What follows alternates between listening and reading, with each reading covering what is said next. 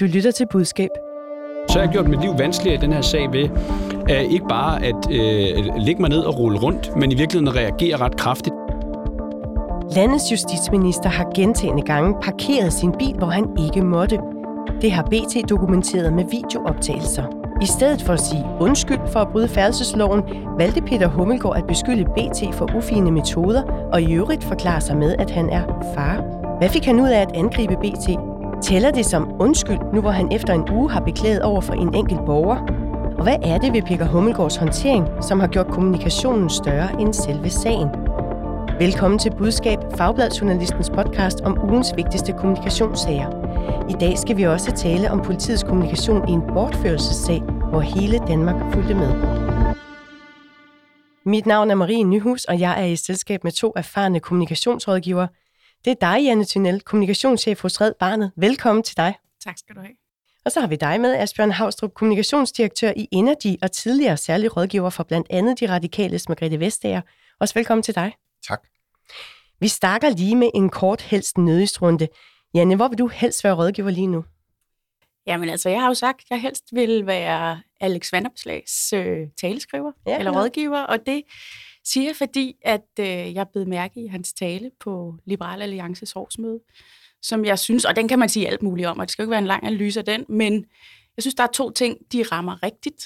Øh, de taler meget præcist til de to udfordringer, som jeg ser, at, at Liberal Alliance står med nu. Altså et, de taler til skeptikerne, som måske kan være nogle af de nye vælgere, som ret hurtigt er øh, smuttet over hos partiet, og som måske også er i risiko for at smutte væk igen i sådan en opgangstid, hvor man kan sige, det, det kommer på baggrund af vældig voldsom bølgegang, ikke? Og hvor man måske godt kan frygte, at den her bølge, man rider på nu, den ender som en meget, meget hård maveplasker, ligesom øh, man har set før. Ikke? Så dem fik han talt til. Dem fik han talt til meget direkte ved faktisk at gå ud og sige, altså at øh, ja, vi har før prøvet at være lullet ind i magten, og vi har også før prøvet at stå alt for stejlt på principperne, øh, men vi har lært af vores fejl. Og det tager man sådan meget upfront, og det er i virkeligheden noget af det, der gennemsyrer hele talen. Han gendriver hele tiden, hvad vi gjorde engang, og hvor vi står i dag. Det er sådan det ene, og det andet er, at, at han har også brug for ligesom at, at synliggøre det der blå alternativ, øhm, og, og, og det taler han også øh, kraftigt til hele vejen igennem. Altså dels, øh, dels taler han om det der blå, borgerlige, solide værdifællesskab som modsætning til SMV-regeringens øh, arbejdsfællesskab. Øhm, og så har han jo også sådan en, en eller anden, selvom han jo selvfølgelig øh, ærger sig over, at Venstre er gået med i, i regeringen med S, så har han sådan en, en mere forsonende linje over for, for, for Venstre og Moderaterne, og, og, øh, og siger sådan ligesom, jamen altså, øh, øh, jeg vil gerne sige til jer, og jeg tror, de fleste kan huske den der, jeg står her med min, jeg håber, I kan se mine meget lange arme, øh, og, og I kan altid vende hjem øh, og samarbejde om de, at fremme de borgerlige værdier. Øh, I kan trygt læne jer ind i min favn, eller noget i den stil. Ikke? Øhm, og øhm, og det, det tror jeg er øh, klogt og godt øh, gjort. Altså det der med, altså han er også en meget eks- eksplicit om, at vi, vi sidder ikke børnefornærmet over i hjørnet, og vi, jeg føler mig ikke svigtet, jeg føler mig ikke, øh, det er ikke synd for mig, øh, men vi er her, og nu skal vi samarbejde, og vi skal også samarbejde med SMV. Så det er sådan en, en mere forsonende linje, og, og som også markerer sådan en mere pragmatisk tilgang. Altså der, han, han siger jo også, at vi skal hverken være magtparti eller protestparti, nu skal vi være indflydelsesparti. Ikke?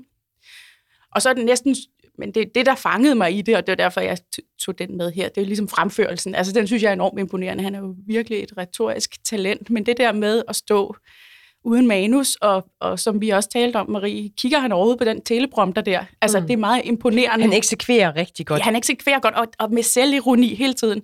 Et glimt i øjet. Altså, både selvironi på, på hans egen person, men også partiet som sådan, og sjove små anekdoter om partikammerater og sådan noget. Og så siger han tak til hele altså fundamentet. Ikke? Han er i gang med at bygge det der fundament op, øh, og det synes jeg, talen øh, gør rigtig fint. Den vil du gerne have skrevet. Ja.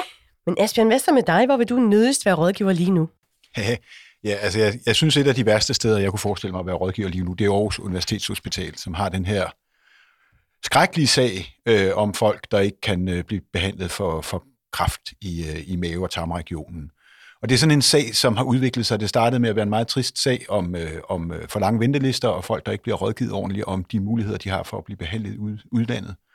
Og så tog det ligesom et gearskifte her for, for nogle dage siden, hvor det så også blev helt eksplicit, at der foregår en prioritering. Øh, dem, der råber højst, dem, der er bedst til at trykke på knapper, øh, de kommer forrest i køen.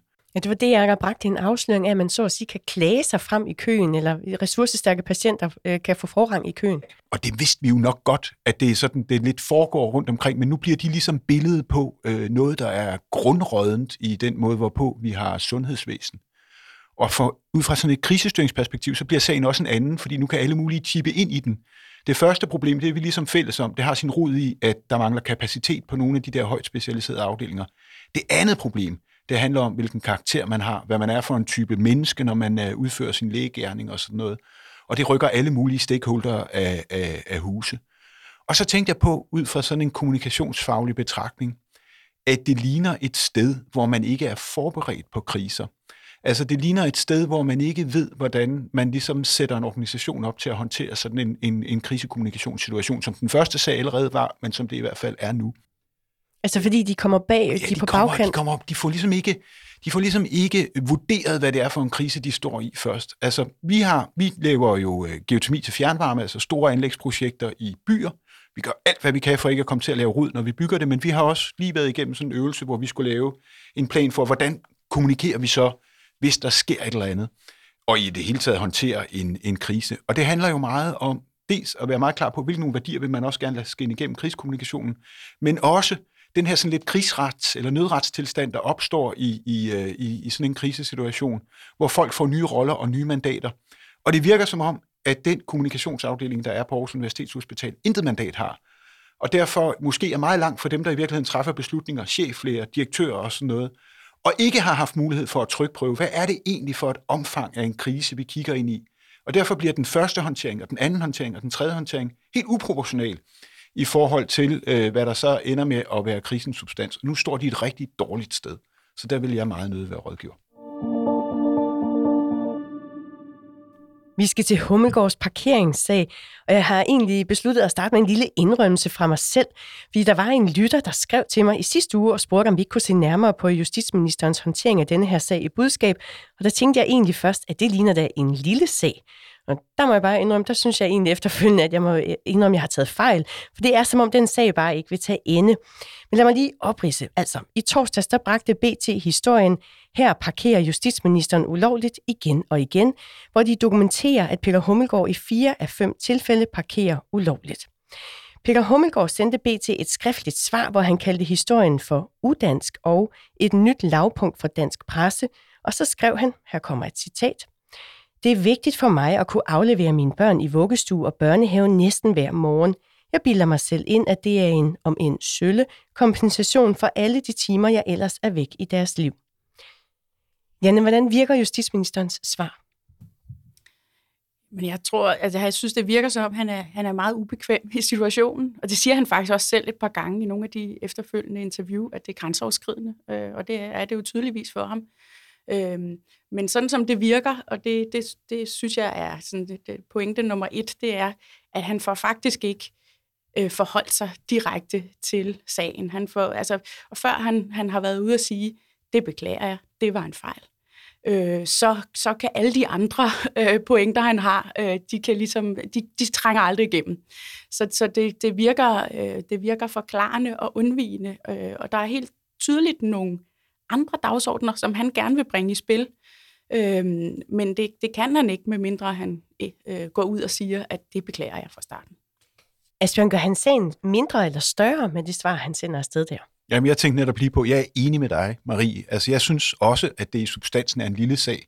Det er en parkeringsbøde, øh, og det er øh, et formiddagsblad, der har stillet en, en fotograf op et par måneder. Det er en lille sag. Og så er det håndteringen, der gør det til en stor sag. Altså, han er selv skyld i, at den sag får så langt et liv og ender i presselosen, og nu snakker vi om det her, og, og, og, og, trækker, og trækker mange runder.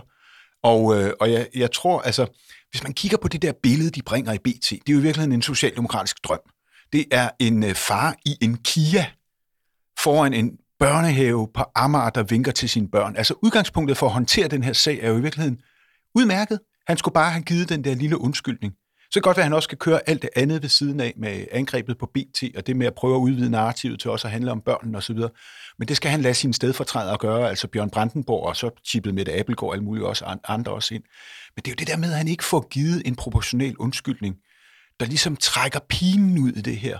Og så er det det, at han, jeg synes, at han går glip af pointen. Det handler jo ikke om, hvorvidt han holder ulovligt eller ikke ulovligt. Det handler ikke om, hvorvidt øh, bussen er kørt eller ikke er kørt, eller hvad man ellers har diskuteret. Øh, det handler jo i virkeligheden lidt om, hvem har sympatien? Er det BT, eller er det Peter Hummelgaard? Det er det sådan nogle små krisesager, for det er en lille bitte krise, det er det, de handler om. Og hvis man gerne vil have sympatien, så skal man opføre sig grundsympatisk i den måde, hvorpå man holder øh, og håndterer sagerne. Og det gør han jo ikke, fordi han bliver det er sådan sympatisk lidt... at være far. Ja, det er sympatisk at være far, men det er ikke sympatisk at synes, at man har særlige øh, privilegier, fordi man er justitsminister, eller det er ikke sympatisk at synes, at øh, det selvmedlidenhed er særlig, særlig sympatisk. Øh, det der med at, at, at underholde offentligheden om, hvor travlt man har, og ting og sager, det, det er en dårlig indfaldsvinkel til det her. Det der med at falde ned i et teknisk spor om parkeringstidspunkter osv., jeg tror, vi kommer tilbage til det, det er en dårlig strategi. Det kan være en udmærket strategi at have, have andre MF'er til at skyde på BT og, og stedfortrædere for ligesom at, at, at, at give den det perspektiv, men, men Peter Hummelgaard, han skal bare sørge for at være super sympatisk og være den far, som man jo får billedet af, når man kigger på, øh, på hvad BT har taget øh, foto af. Kiaen på Amager. Øhm, men altså, så I synes begge to, at det, det, det skygger for al hans kommunikation, at han ikke lige starter med at beklage eller sige undskyld. Men så prøv lige at høre her, fordi han var med i Ring til regeringen på P1, og der sagde han selv, at han kunne have håndteret sagen nemmere for sig selv, hvis han havde sagt undskyld. Så har jeg gjort mit liv vanskeligere i den her sag ved uh, ikke bare at uh, lægge mig ned og rulle rundt, men i virkeligheden reagere ret kraftigt, fordi jeg synes ikke, at det, at BT står med en videojournalist uden min eller andres viden om det, og fotodokumentere, fotodokumentere hvordan jeg afleverer mine børn om mm. morgenen, er proportionalt med det, der så også er brøden. Så altså, Janne, han ved jo åbenbart godt, at han bare kunne have sagt undskyld, og så var den sag formentlig lagt død. Vil det øh, ikke være forkert af ham at sige undskyld, hvis han ikke mener det? Men han siger jo flere gange, han siger, at det er træls, og selvfølgelig skal jeg beklage, og så videre. Jeg tror ikke, at der er nogen heller, der, der vil øh, skyde Hummelgård i skoene. Han synes, det er okay, at han ikke har overholdt parkeringsreglerne. Altså, øh, han, han gør det jo større øh, selv, end, øh, end det i virkeligheden er. Han kunne bare sige, ja, for søren da, beklager undskyld, jeg har overtrådt parkeringsregler, jeg skal tjekke op på det her, øhm, og så komme videre. Altså, øhm, og nogle gange handler det jo om, ligesom, jeg tror, der er, der er jo altså, åbenlyst en masse følelser i spil. Øh, det kan man jo rigtig godt forstå som menneske. Øhm, og det handler nogle gange om, tror jeg, i forberedelsen, at få parkeret de følelser, parkeret apropos. Men altså... Øhm, Hvordan gør du det som rådgiver? Altså hjælper nogen til at parkere deres følelser? Apropos parkere. Jamen altså, jeg tror, det handler om at sige, okay, lad os tale om alt, alt det, der er inde i dig. Hvad er det, du tænker om det her? Og man kan få det hele ud. Altså sådan, ja, og det er også skide øh, ærgerligt og strengt og, og så videre, så videre. Og så ligesom sådan set, hørt, forstået, og så lægger vi det til side, og så taler vi om netop, som Asbjørn også siger, hvem har sympatien her? Hvad er målet? Hvad vil vi egentlig gerne ud? Og altså, hvordan vil vi gerne lande den her? For jeg er sikker på, Hummelgaard vil der ikke, er der ikke interesseret i, at den her fortsætter. Så, så, så hvad er det fælles mål, og hvordan, hvordan kommer vi bedst videre? Og så, så tror jeg også, at, at altså, det er jo en helt legitim diskussion, og relevant og væsentlig diskussion, øh, hvordan skal journalister agere i forhold til, til sådan en sag her. Men men måske skal der være lidt afstand til, at man tager den, eller, tager, eller nogle andre tager den. Ja, ligesom Asbjørn ja. sagde. Øhm, på et tidspunkt, der spørger verden ham også, om øh, Peter Hummelgaard kan genkende, at han har parkeret ulovligt flere gange, og så svarer han. Helt konkret, så tror jeg, at tilfældene handler om, at øh, når jeg plejer at aflevere, mm. det gør jeg cirka 8.15, ja. øh, så er bussen til udflytteren kørt. Der er nogle altså optrukne, skovbørnehaven ja, eller udflytterbørnehaven. Ja, den kører kl. 8. Mm. Der er nogle optrukne linjer, ja. hvor det er, der står, der må du rent faktisk først parkere ja. 8.30, ja. selvom bussen er kørt. Så formalistisk er det jo fuldstændig rigtigt. Asbjørn, du griner.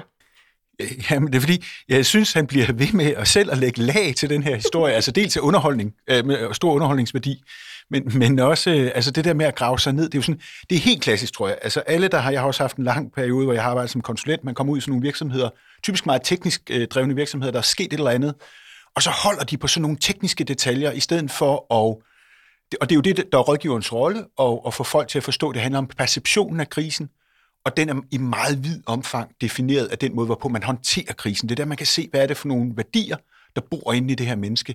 I stedet for, om udflytter børnehavebussen er kørt, og om der var fem meter til, til en Der til er en nogle optrukne linjer. Ja. Men jeg tror også, der stikker en lille smule mere under det her alligevel, fordi det er jo rigtigt nok, han er i, jeg er enig med Jan, Jan i, at han er i sin følelsers vold, måske nok lidt her. Men jeg tror også, det er blevet en strategi, og det er lidt noget nyt. Øh, det der med, at, at, øh, at man, kan, man kan angribe medierne som en del af sin krisestyring.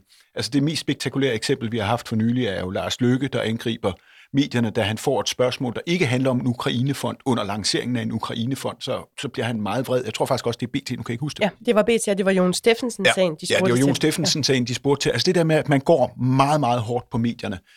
Og det er jo det er noget nyt, fordi jeg tror, at alle os, der har siddet, i hvert fald hvis stadig, og jeg tror stadigvæk, det gælder, hvis man er i en privat virksomhed eller en NGO, så vil man sige, at du kan som regel ikke vinde sådan et slagsmål med medierne. Du er nødt til på en eller anden måde at finde den letteste vej igennem den her type af, af, af, af, af, af, af historier. Du kan ikke vinde det slag, men der tror jeg, at politikerne, fordi de også har gode platforme, ser en mulighed for faktisk en gang imellem at gå op imod det her mediedyr. Også fordi det har fået noget, øh, det har noget genklang i befolkningen. Altså, der kommer hele tiden, der, jeg tror det var Primetime, der kom med en undersøgelse her øh, forleden. Øh, Radios laver også nogle undersøgelser af tillid og troværdighed. Og det rasler bare ned med de der medier. Og jo mere det rasler ned, jo flere point er der, i at, øh, er der at hente i at udfordre, om det overhovedet er en rimelig måde, hvorpå man øh, bliver behandlet. Men, men Mit virker- råd vil bare være, at det ikke er Peter Hummelgaards opgave i den her sag. Det er netop Bjørn Brandenborg og Mette Appelgaard og, øh, og, øh, øh, og de andre socialdemokraters opgave, om man vil, og alle os, der kommenterer på. Hummelgaard, han skal bare fremstå sympatisk. Mm. Øh, vi skal jo også lige nå at have med, at onsdag der kom BT med et nyt interview med Peter Hummelgaard, hvor han beklager de ulovlige parkeringer. Jeg har lige et citat fra deres artikel. Han siger, jeg vil naturligvis meget gerne beklage over for den borger, der bor i nærheden af børnehaven, der måtte have følt gene ved min og andre forældres parkeringer. Det skal jeg selvfølgelig være mere opmærksom på fremover. Den borger, han henviser her til, det er den borger, der har tippet BT om, at justitsministeren gentagende gange har parkeret ulovligt øh, i forbindelse med at aflevere børn ved børnehaven. Øhm, Asbjørn, er det så den øh, lille undskyldning i en lille sag, som du efterlyste tidligere her i Jamen, diskussionen? Jeg må, jeg må sige, at jeg synes, det er helt, helt skørt. Altså, der er jo ikke nogen som helst af os, der har skænket den der ene borger en tanke. Nu bliver- bringer han pludselig endnu en dimension ind i, øh, i, i den her historie, og jeg ved ikke, om, om der, om der er øh, kød nok på den pind til, at den kan leve videre, men det er jo sådan, altså det virker endnu mere underligt, synes jeg. Det er uproportionelt, det er ligegyldigt, det har ikke noget med sagen at gøre. Det er, sådan, det er ligesom de der tekniske detaljer.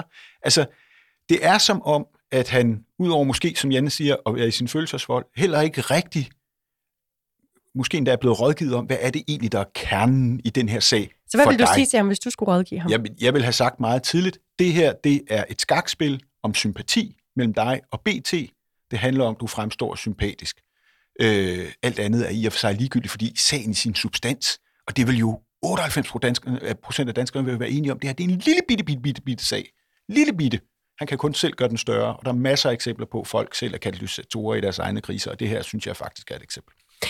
Janne, du grinede også lidt af, af citatet fra, fra BT-artiklen med Peter Hummelgaard. Hvad, hvad tænker du om den beklagelse, han går ud og giver til en borger? Jamen, jeg tænker også, at, at det, øh, det gør det, altså jeg er helt enig med Asbjørn, altså det, det, det gør det øh, værre, kan man sige, og det bærer ved til en historie, som netop kunne have været lukket, og jeg er helt enig i, det er en lille bitte sag. Lad os få den lukket. Altså, han kommer ikke videre der. Og jeg skal lige sige, at Justitsministeriet har ikke ønsket at kommentere deres kommunikation i sagen.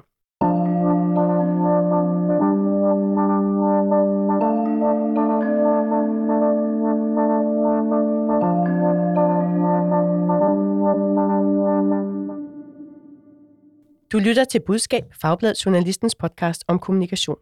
Husk, at du altid kan skrive til budskab, hvis du har en idé, som lytteren, der havde skrevet til mig om Hummelgårds parkeringssag, eller måske et dilemma fra dit eget kommunikationsjob, som du gerne vil høre eksperternes bud på. Skriv til budskab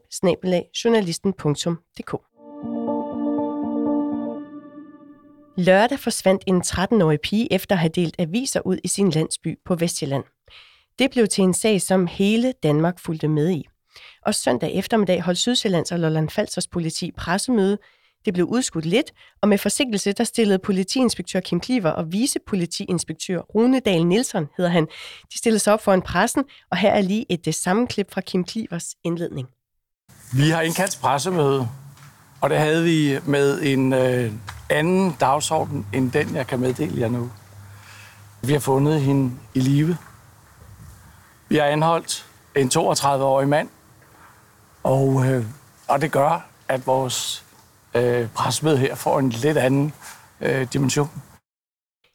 Janne, du har sagt til mig, at du synes, de klarer det her pressemøde virkelig godt. Hvad er det, de gør, som virker?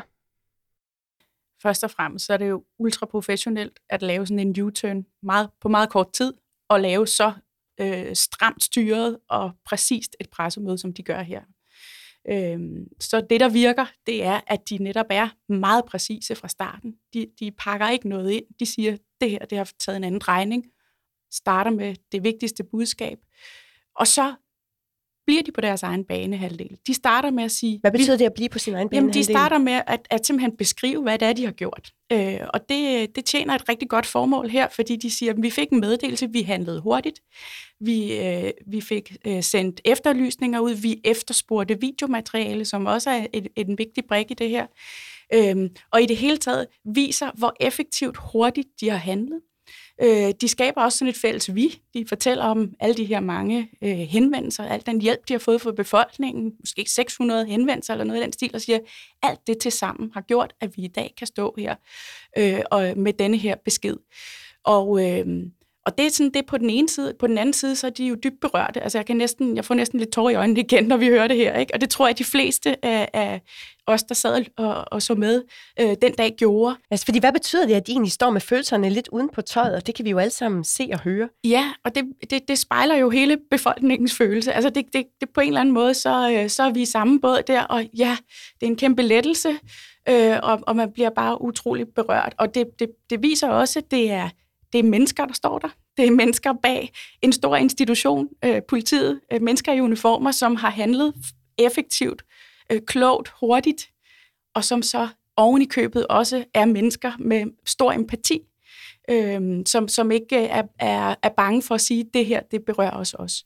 Men er det kommunikationen, der efterlader dig med det der rigtig gode indtryk, eller er det også det faktum, at de har haft et rigtig stort fuldstændig afgørende gennembrud i efterforskning, altså at de har fundet pigen i live? Jamen, man kan sige, det er jo selvfølgelig bagtæppet, og det er jo også en, en god situation at stå og kommunikere, men, men, øh, men det kunne man have gjort på mange måder. Øh, hvis man kigger på de efterfølgende spørgsmål, altså efter at, at de ligesom har gennemgået sagen og så sagt, og nu vil vi i øvrigt gerne have arbejdsro, Øhm, så kommer der en masse spørgsmål om, hvad, øh, hvilken tilstand er pigen i, og hvad er bare relationen mellem de to, osv. osv. Og det er meget let for dem at lukke ned for de spørgsmål, fordi vi stoler på, at de har gjort deres arbejde rigtig godt. Vi stoler på, at det vil de blive ved med at gøre, og vi ved også, at der skal et, øh, endnu mere øh, til nu her, en, en efterforskning, som skal fortsætte. Og vi stoler også på, at de faktisk øh, som mennesker er påvirket af det. De fortæller også, at vi først lige skulle fortælle pigens forældre om det her. Altså, vi, vi kan alle sammen sætte os ind i, hvad det er for en situation, de står i. Men så lad os lige tale om det skifte også, for det synes jeg også selv er virkelig interessant, fordi de er jo gået fra at have været virkelig, virkelig aktive på nærmest alle kommunikationskanaler frem til det her pressemøde, Øhm, Sydsjællands eller Landfalsters politi har fortalt mig, at Kim Kliver han stillede op til omkring øh, 10 medieinterviews lørdag, og flere medieinterviews igen søndag. Og derudover så har de jo været virkelig meget aktive på Twitter og Facebook for hele tiden at opdatere om sagen, og også hele tiden opfordrer danskere til at dele informationer og for eksempel videoovervågningsmateriale med politiet. Men da de så først har overbragt nyheden, at de har fundet den 13-årige pige i live, og at de har anholdt en 32-årig mand, og det tager faktisk ikke så lang tid, det tager måske halvandet to minutter på det her pressemøde, så har de ikke længere sådan en kæmpe lyst til at svare på pressens spørgsmål. Vi skal lige høre et sammenklip med bare fem af svarene fra politiinspektør Kim Kliver. Det kan vi ikke gå nærmere ind i på nuværende tidspunkt. Altså, vi kan ikke gå ind i de nærmere detaljer omkring det. Vi har foretaget en anholdelse, og den har vi øh, gjort øh, på en måde, så vi var sikre på, at vi kunne håndtere situationen. Nej, jeg kan ikke komme nærmere ind på det på nuværende tidspunkt.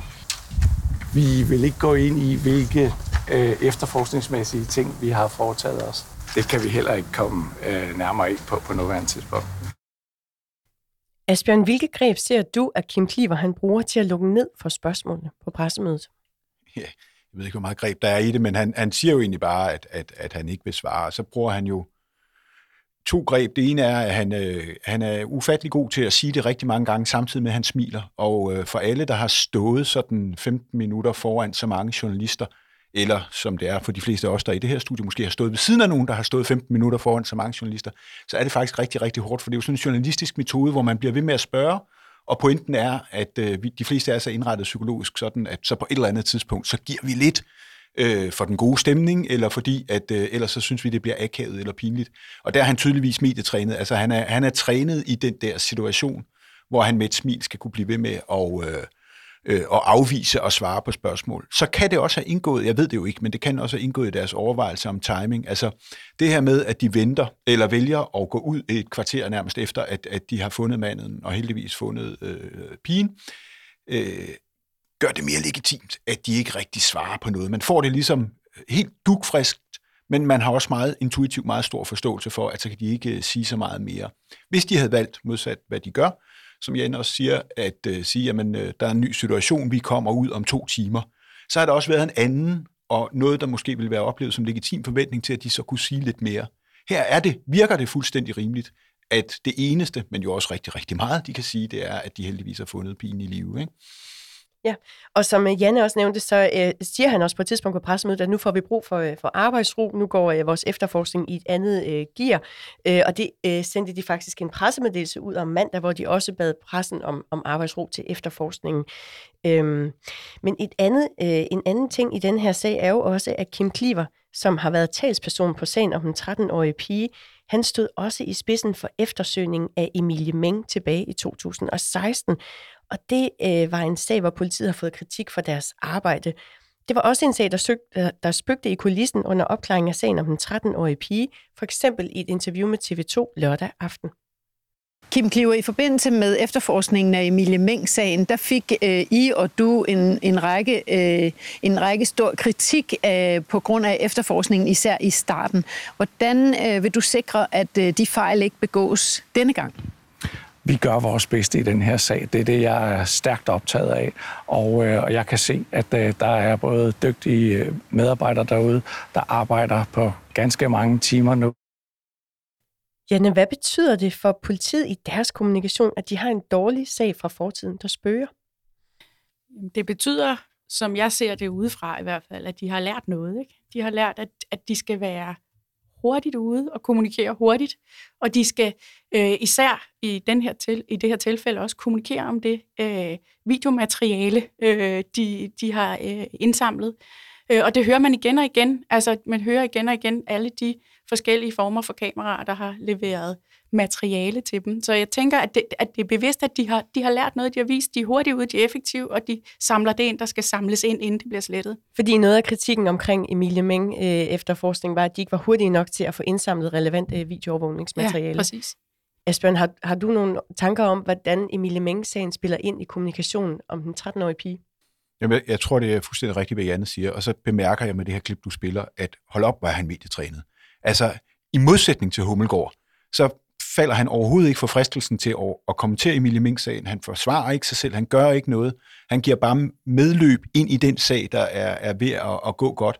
Og det er, det lyder så let, når det bliver gjort så elegant, som det er her, men det kræver, at man virkelig ved, hvordan øh, man håndterer medier. Og det er jo heller ikke sikkert, at det gik godt på det tidspunkt, hvor det her interview blev lavet. Det nej, ved vi ikke nej, øh, lørdag aften. Ikke. Så kan man sige omkring det der med at, øh, omkring det der med at lukke ned, at nu har vi haft, i går aftes, der fik vi sådan en historie, TV2 havde fundet frem til, at, at den, den mistænkte muligvis havde en bil, som svarede til den bil, der var under i, i Emilie Mink-sagen. Og der tror jeg, at vi får et, et, et stående og levende bevis på, på, hvorfor det er så vigtigt, at de i tredje fase får lukket kommunikationen ned. Fordi ellers så vil de netop være dem, der blev jagtet rundt i manesien af alle mulige medier, der kunne finde små flige af noget, der havde noget at gøre med tidligere sager, som de så ville være tvunget til at kommunikere på. Men fordi de laver den der kommunikation, der kan fremstå en lille bitte smule brutal, men også legitim, om at nu går vi, han er sagt, inden døre og kigger på beviser og laver tekniske undersøgelser og øh, prioriterer det, i stedet for at tale med pressen, så er der ingen, der kalder politiet i går aftes, på trods af sådan en sag. Så jeg, jeg synes, jeg, jeg er faktisk meget imponeret over den måde, hvorpå de håndterer kommunikation. Sydsjællands og Lolland Falsters politi har ikke haft mulighed for at kommentere deres øh, kommunikation inden for vores deadline. Selvfølgelig. Janne Thunel og Asbjørn Havstrup, tak for at være med i Budskab i dag.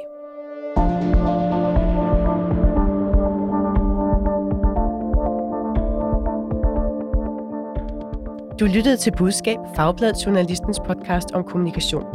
Udsendelsen i dag er tilrettelagt af Sandra Korsgaard og mig. Mit navn er Marie Nyhus, og jeg er redaktør og vært på Budskab. Rakkerpark Productions står for lyd og teknik.